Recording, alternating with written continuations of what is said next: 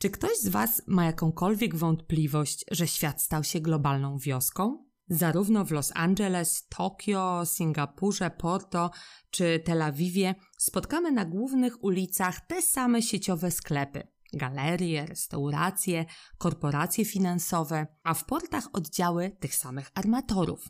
Dlaczego więc we wszystkich restauracjach tej samej sieci na świecie nie znajdziemy jednak tego samego menu, a oferta tych samych globalnych marek jest z reguły inna na różnych rynkach? Pomimo integracji gospodarek światowych, w żadnym wypadku nie możemy mówić o homogenizacji kultur, czyli po prostu o ich ujednoliceniu, bo kultura to cały pakiet zachowań, wartości, tradycji, sposobów postrzegania świata, sytuacji itd., tak itd. Tak to wszystko ma właśnie wpływ na zachowania konsumentów, partnerów w biznesie, kolegów i koleżanek w korporacji, szefów, przyjaciół.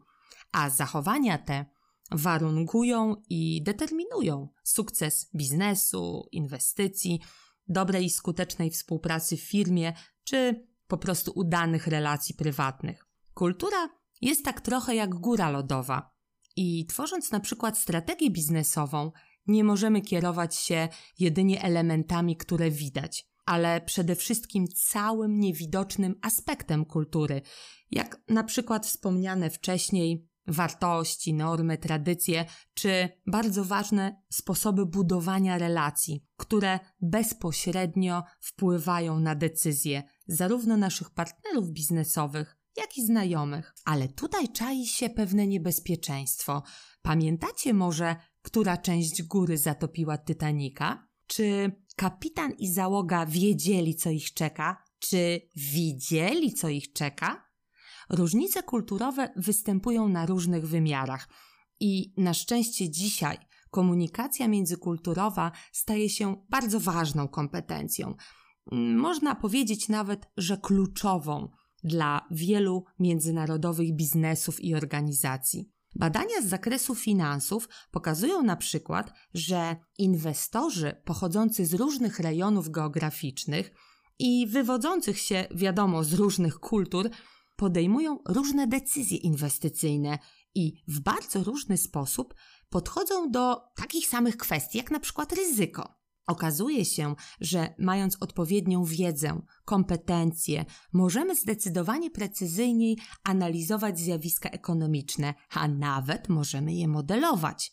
Kiedy profesor Gerd Hofstede, ojciec teorii wymiarów kulturowych, mieszkał e, w latach 70. XX wieku w Brukseli, i udał się do Komisji Europejskiej e, ze swoimi wnioskami z dopiero co przeprowadzonych badań międzykulturowych, nie uwierzycie, został odesłany do urzędnika, który zajmował się muzealnictwem. Ten właśnie holenderski socjolog, pracując w latach 60. i 70. XX wieku w międzynarodowym koncernie IBM, wtedy już obecnym w ponad 70 krajach na świecie, doszedł do wniosku, że menadżerowie na całym świecie borykają się z bardzo podobnymi problemami, ale mają całkowicie inne podejście do ich rozwiązania. W wyniku analizy ponad 116 tysięcy ankiet na temat między innymi wartości, którymi liderzy się kierują, Hofstede wyodrębnił wymiary kulturowe, takie jak na przykład dystans do władzy, wskaźnik unikania niepewności, indywidualizm czy przyzwolenie. I patrząc dla przykładu na wymiar dystansu władzy, gdzie po jednej skrajnej stronie mamy bardzo hierarchiczne Indie, Chiny czy nawet Rosję, a po drugiej stronie Wielką Brytanię, Niemcy i bardzo egalitarną Szwecję, możemy to w praktyce skorelować z odwagą mówienia nie. Zapytacie, czy to do czegoś przyda się w pracy? Czy to się przyda na przykład przy wspólnym projekcie?